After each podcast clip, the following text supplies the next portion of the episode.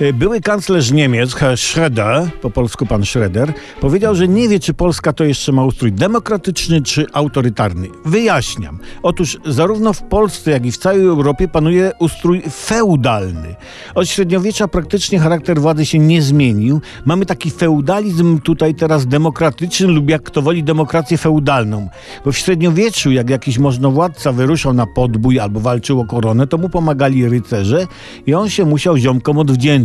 Nadawał im ziemię, stanowiska na dworze albo wewnątrz, jak który się zasłużył. Tobie daje to, tobie tamto, a tobie jeszcze co innego. A szary lud na nich pracował. I oni widząc interes walki przy danym władcy, byli mu w miarę wierni.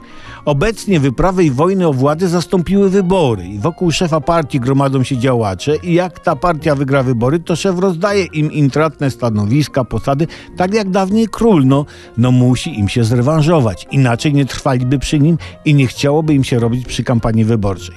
A szary lud musi na nich pracować. Feudalizm zatem ma się w Europie dobrze, a nawet bardziej. W odróżnieniu od średniowiecznego feudalizmu, w tym obecnym feudalizmie sami ludzie wybierają sobie tych, na których będą harować. Podstawowa różnica między naszym feudalizmem demokratycznym a feudalizmem średniowiecznym jest taka, że jako ustrój organizujący życie w Europie, ten średniowieczny no jednak działał.